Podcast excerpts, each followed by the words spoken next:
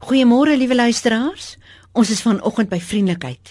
Die 5de deel van die vrug van die Gees, maar ook die min, middelste een van die drie wat betrekking het op die medemens. Vriendelikheid, goedheid, aangename indruk maak of minsaam wees. Die vrug van vriendelikheid verwys dus na 'n optrede waar ons goedhartig is teenoor die wat dit nie verdien nie.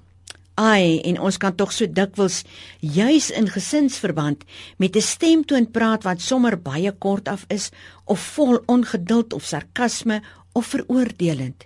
Baie duidelik het ons die verkeerde keuse gemaak in hierdie stemtoon. So, sê jammer in begin van vooraf. Die wonderlikste tyd om vriendelikheid of goedhartigheid aan die dag te lê, is om 'n guns te doen vir iemand wat dit nie kan terugbetaal nie. Dit is soos God se goedhartigheid teenoor sy kinders, onvoorwaardelik. Dit hang nie af van enige prestasie aan ons kant nie. Hy is en bly getrou. Hy verwag dat ons mekaar sal vergewe soos hy ons vergewe het. Dis baie belangrik. Efesiërs 4:32 sê maar wees vriendelik en vol ontferming teenoor mekaar. Vergeef mekaar soos God ook in Christus julle vergewe het.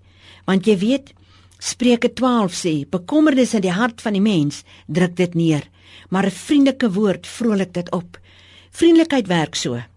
Dit is goed vir die een wat vriendelike woorde aan ander rig en dis baie goed vir die een wat dat, wat dit hoor. Kom ons vat hierdie uitdaging en die volgende keer wat jy so 'n mistroostige of 'n moedelose gevoel het, gaan soek jy doelbewus na iemand met wie jy 'n vriendelike woord kan wissel. Weet jy waar is die wit oeslande om vriendelikheid te gaan saai? Daar waar jy in 'n ry moet staan en wag om gehelp te word en al wat jy hoor is die een treurmare op die ander. Vra die Heilige Gees om jou 'n vriendelike woord te gee en met die een langs jou te deel. Die vrug van die Gees maak dat ander Jesus in ons kan sien. Ek moet dan ook die aangename geur van Jesus versprei. Nou kan ons vir mekaar vra, wat is die geur wat ek agterlaat wanneer ek omdraai en uitstap?